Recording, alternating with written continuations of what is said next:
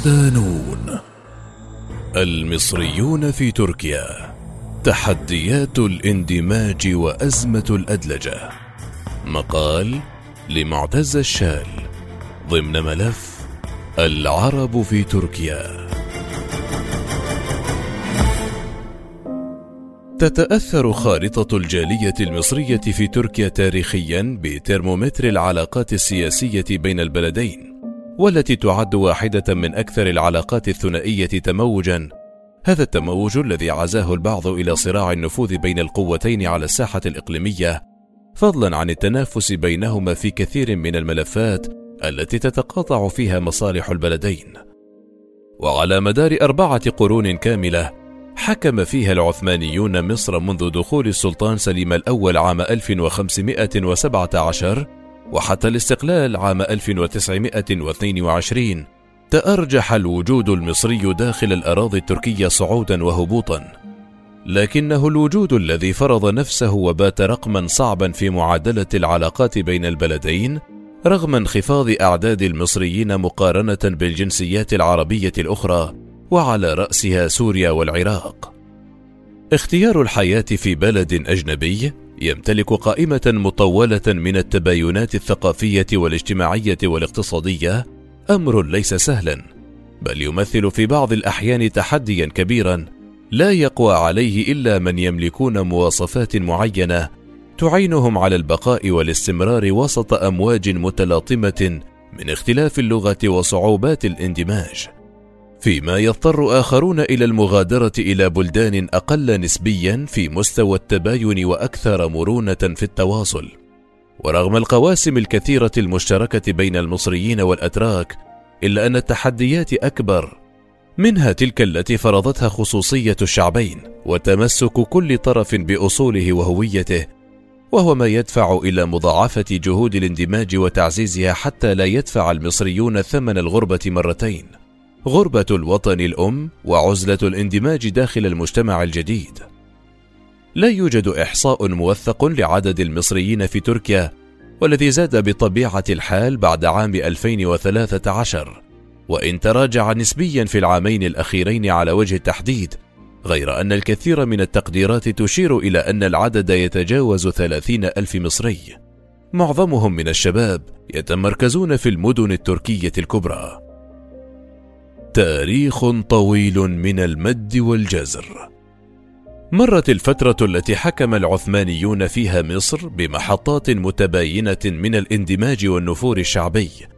تتناسب طرديا مع قوة الإمبراطورية العثمانية نفسها وتأثيرها في الشارع المصري. فحين كانت الدولة فتية وتمتلك مشروعا إسلاميا نهضويا كبيرا كانت مثار ترحاب وتقدير وإعجاب من شعوب كافة الدول الخاضعة لها ومنها مصر. وحين استشعر المصريون ضعف حكام الدولة العثمانية في نهاية عهدها وبداية الأفول لنجمها الذي بزغ في سماء عشرات الدول لعقود طويلة تسلل التوتر إلى العلاقات مع الشعب المصري الذي وجد في هذا الحكم استغلالا لثرواته وإضعافا لأركان البلاد بعد إخضاعها لإسطنبول. ورغم ما ذهب إليه بعض المؤرخين من أن التبعية المصرية للدولة العثمانية لم تستمر أكثر من قرن واحد فقط على أكثر تقدير إذ خضعت القاهرة على مدار ثلاثة قرون كاملة لحكم المماليك الذين أحكموا قبضتهم على البلاد والحكم العلوي الذي أسسه محمد علي باشا ثم الاحتلال الإنجليزي. إلا أن البعض ولأجندات خاصة حاول تشويه تلك العلاقة تاريخيا ما انعكس على علاقات الشعبين رغم القواسم الكثيرة المشتركة. وفي حقبة الحرب الباردة وخلال التنافس بين الولايات المتحدة والاتحاد السوفيتي وجدت مصر وتركيا نفسيهما في أماكن التضاد على الخارطة العالمية الجديدة بحكم موقعهما الجيوسياسي وثقلهما الإقليمي والتاريخي إذ مالت أنقرة نحو المعسكر الغربي بقيادة أمريكا فيما كان للقاهرة رأي آخر إذ انحازت إلى السوفيات ومعسكرهم. بدأت العلاقات الدبلوماسية بين البلدين رسميا عام 1925 كانت حينها على مستوى القائم بالأعمال إذ تأثرت كثيرا بالإرث التاريخي المثقل لكن سرعان ما ارتقت إلى مستوى السفراء عام 1948 فيما وقع البلدان اتفاقية التجارة الحرة عام 2005 تم تعزيزها بصفقة الغاز التي قدرت بأربع مليارات دولار بجانب مذكرة التفاهم الأخرى لتوثيق التعاون العسكري عام 2008 فضلا عن أنهما عضوان في منظمة الاتحاد من أجل المتوسط. وتعد الحقبة الناصرية أبرز محطات التوتر بين البلدين. لتعود الأمور إلى طبيعتها مرحليا خلال فترتي حكم أنور السادات وحسني مبارك. لتدخل أبرز أنفاقها التناغمية بعد ثورة يناير كانون ثاني 2011 حين انتصرت أنقرة لإرادة المصريين وبعد الإطاحة بنظام محمد مرسي عام 2013 تحول تركيا إلى قبلة المصريين الأولى هربا من بطش وتنكيل وسجون نظام الرئيس المصري عبد الفتاح السيسي لتدخل العلاقات بين البلدين نفقها المظلم. زادت أعداد المصريين الفارين إلى تركيا بعد أحداث رابعة العدوية والنهضة في الرابع من أغسطس آب 2013 خاصة بعد الاستهداف الممنهج للسلطات المصرية للمعارضة وأبناء التيارات الثورية التي وجدت في أنقرة الملاذ الآمن. في ظل الدعم المطلق الذي كانت تقدمه للثورة المصرية ورفضها القاطع للمجازر التي حدثت ضد المعارضين والثوار وأنصار الرئيس مرسي. الجالية المصرية في تركيا. يتمركز المصريون في تركيا في أربع مدن رئيسية إسطنبول وأنقرة وأزمير وأنطاليا. ويعود اختيار تلك المدن كونها الأكبر والأكثر نشاطا على المستوى الاقتصادي والاجتماعي. وهي البيئة التي يحتاجها المصريون لتعزيز تواجدهم من خلال الانخراط سريعا في منظومة العمل لتوفير نفقات الحياة. شيرين إيفلار عاصمة المصريين في تركيا. تلك كانت إجابة محمد عيد الشاب المصري المقيم في تركيا منذ ست سنوات عن سؤال حول أبرز أماكن تمركز المصريين في الدولة التركية. لافتا إلى أن ذلك الحي الذي ينتمي إداريا إلى منطقة باهشلي إيفلار في إسطنبول يشبه في كثير من أجوائه المدن المصرية خاصة طقوس الحياة والطعام والشراب والاحتفالات. وأشار في حديثه لنون بوست إلى أن تلك منطقة شيرين إيفلار رغم صغر حجمها تعد تجمعا مصريا خالصا. إذ يمكنك خلال العبور في أي شارع سماع اللهجات المصرية بشتى أنواعها فتسمع هنا اللهجة الصعيدية وهناك لهجات الوجه البحري. بل ربما تجد مطاعم وبقالات مكتوبة بأسماء عربية ومصرية خالصة. لم تكن شيرين إفلار هي البقعة الوحيدة المغلفة بالصبغة المصرية إذ تحتضن منطقة إسانيورت الإسطنبولية الواقعة في الجانب الأوروبي من المدينة العديد من التجمعات المصرية الخالصة مثل جمهوريات ميهلسي وهرمدري وبيليكدوزو وباتت تلك المناطق قبلة المصريين الجدد القادمين إلى تركيا. لا يمكن اعتبار المصريين المقيمين في تركيا كلاجئين إذ إن إقامتهم في الغالب يحصلون عليها من خلال عملهم وطبقا لمصادر دخولهم. ولا تقدم لهم الحكومة التركية المساعدات التي تقدمها لبعض الجاليات الأخرى لا سيما تلك القادمة من مناطق النزاع والحروب. والتي يكون للأمم المتحدة دور في حث السلطات التركية على تقديم الدعم لها ومن ثم ومنذ أول يوم يطأ فيه المصري بأقدامه ثرى إسطنبول عليه البحث عن فرصة عمل في أقرب وقت حتى يستطيع الحياة والإنفاق على مصاريف الإقامة السياحية وغيرها من الإقامات الأخرى التي قد يحصل عليها نتيجة الدخول في أي نشاط استثماري. وتتمركز مجالات العمل بالنسبة إلى الجالية المصرية هناك في خمس تخصصات رئيسية: الإعلام، والاستثمار العقاري، والترجمة، والسياحة، والتجارة. المؤسسات الفاعلة والنشاطات تزايد الأعداد منذ عام 2013 واتساع رقعة الانتشار والمصالح وما تلاها من الحاجة نحو تنسيق مشترك وتبادل الخبرات بين المصريين دفعهم إلى تدشين كيانات اجتماعية فاعلة تكون نواة للتواصل ومنصة رسمية ومجتمعية للدفاع عن المصريين وتلبية احتياجاتهم وخدمتهم قدر الإمكان.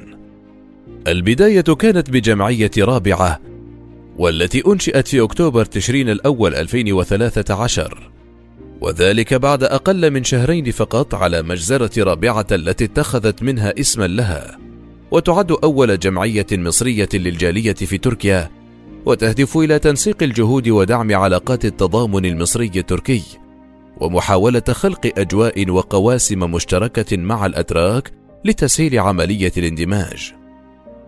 وفي عام 2017 تأسست الجالية المصرية ككيان جامع من خلال مسماه للمصريين على الأراضي التركية وتمحور نشاطه في الجانب الاجتماعي كالرحلات والأنشطة الثقافية والدورات التخصصية التأهيلية والتدريبية ومعارض السلع والاحتياجات الأساسية وتقديم الدعم لأبناء الجالية والابتعاد نسبيا عن أي نشاط سياسي.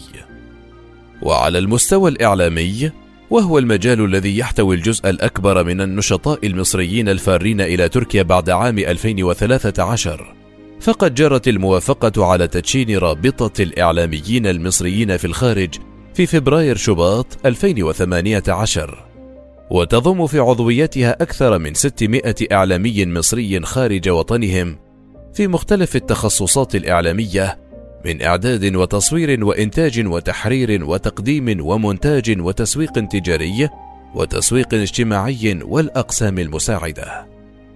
وفي مايو أيار 2021 وضعت الرابطة التي تتهم بهيمنة عناصر جماعة الإخوان المسلمين عليها وضعت لها ميثاق شرف إعلامي يهدف بحسب أحد معد الميثاق قطب العربي الأمين العام المساعد السابق للمجلس الأعلى للصحافة لتغطية نقص كان قائما في منظومة الإعلام المصري في الخارج كما أنه جاء مزيجا من عدة مواثيق شرف دولية مختلفة.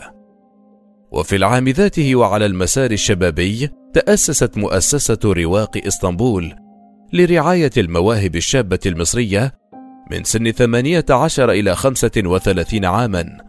حيث تقدم المنح والمساعدات والدورات التدريبية في مجال الإعلام والفن والسياسة والعلوم الشرعية وإدارة الأعمال بهدف تنمية قدرات المصريين وإعدادهم لسوق العمل التركي بمتطلباته التي تختلف كثيرا عنها في مصر.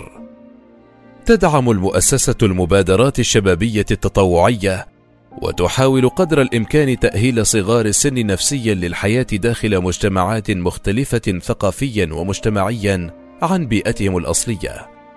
وذلك من خلال المشاركة في بعض الأنشطة والفعاليات الاجتماعية التركية منها المخيم السنوي لاتحاد طلاب الأناضول التابع لمؤسسة منبر الأناضول. وأمام هذا التوسع في إنشاء الجمعيات والكيانات والمبادرات بشتى أنواعها والتي بلغت أكثر من عشرين مؤسسة. قررت الجالية المصرية تدشين اتحاد شامل يضم كل تلك الكيانات.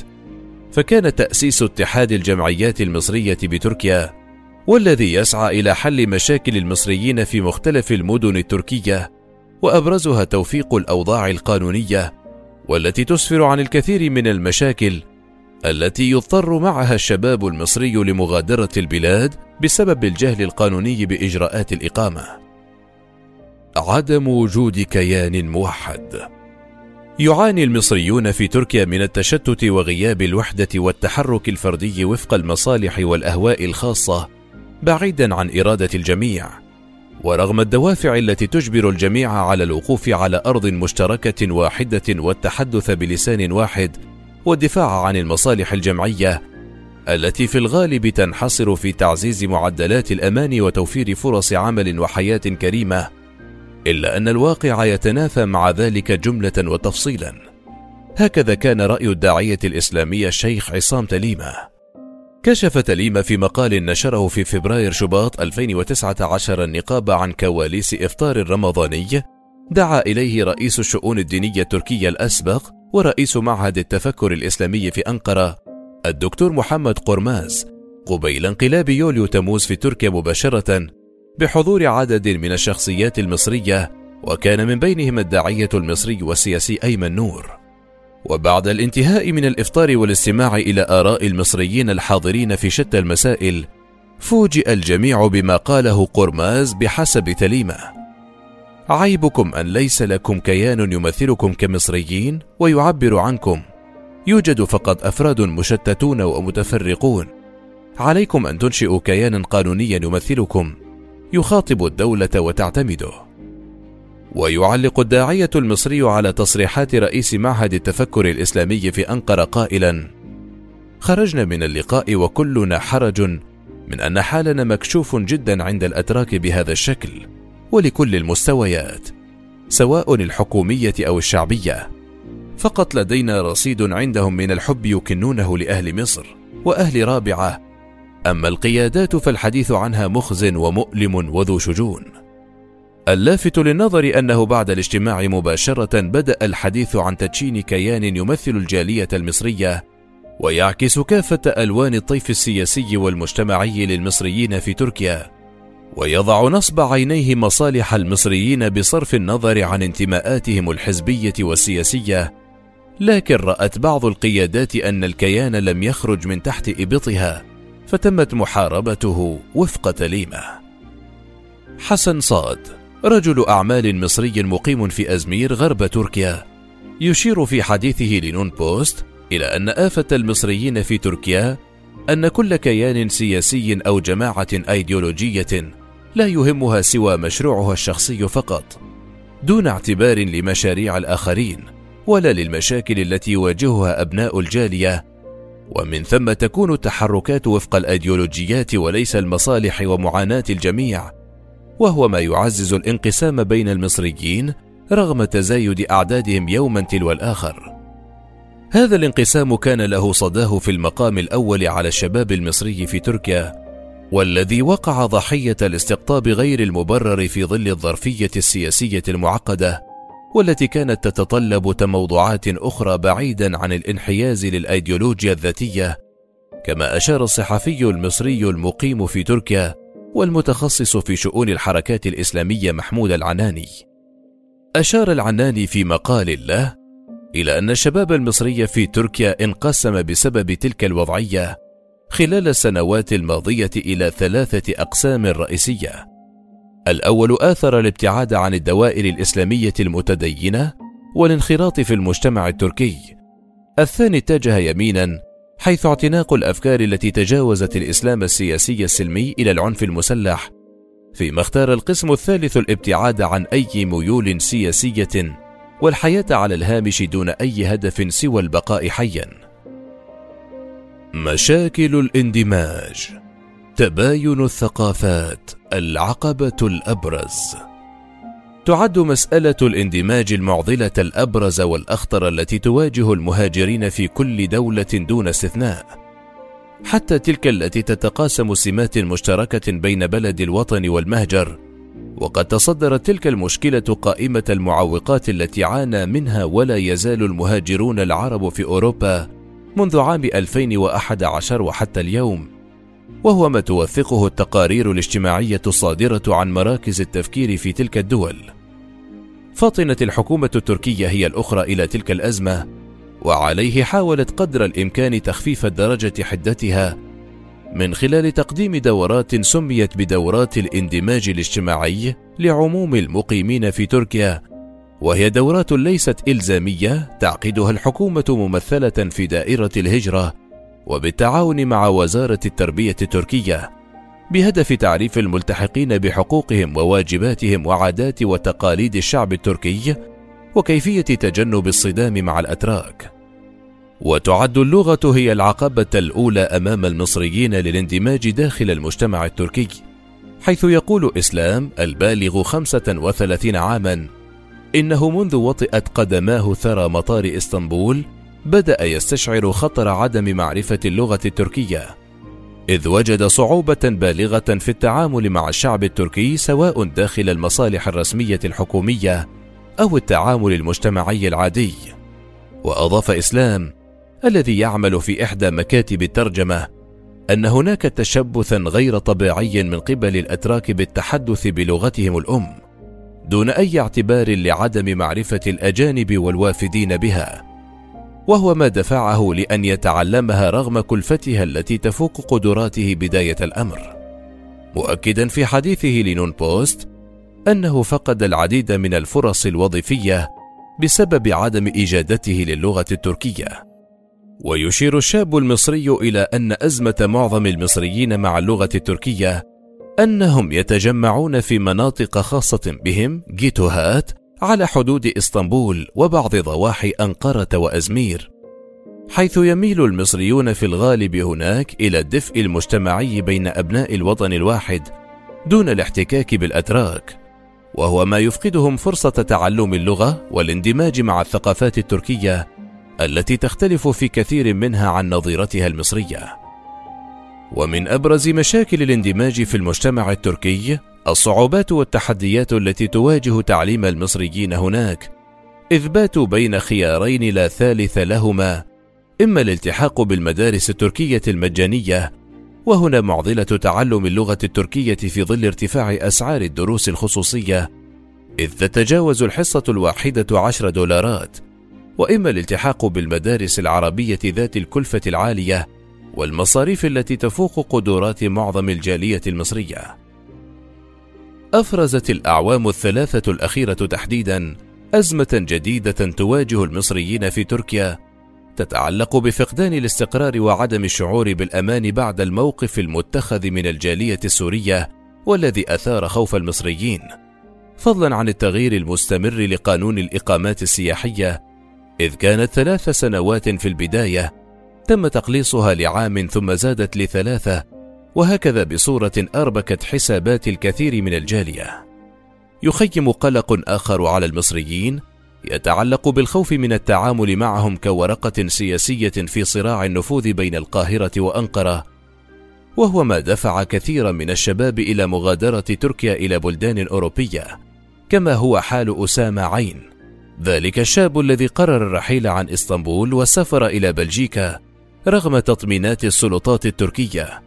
والاستقرار هناك خشية تعرضه لأي مضايقات أو تسليمه للسلطات المصرية بصفته معارضا كما حدث مع أصدقاء له لا سيما أنه كثير السفر بحكم عمله.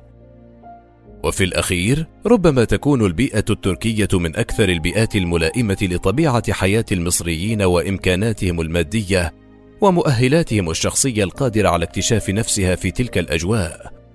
غير أن غياب التنسيق الجمعي وسيطرة الأيديولوجيا على المصلحة العامة بجانب عقبات الاندماج وفي المقدمة منها اللغة هي المعضلة والتحدي الأكثر بروزا أمام الجالية المصرية ومستقبلها داخل الأراضي التركية.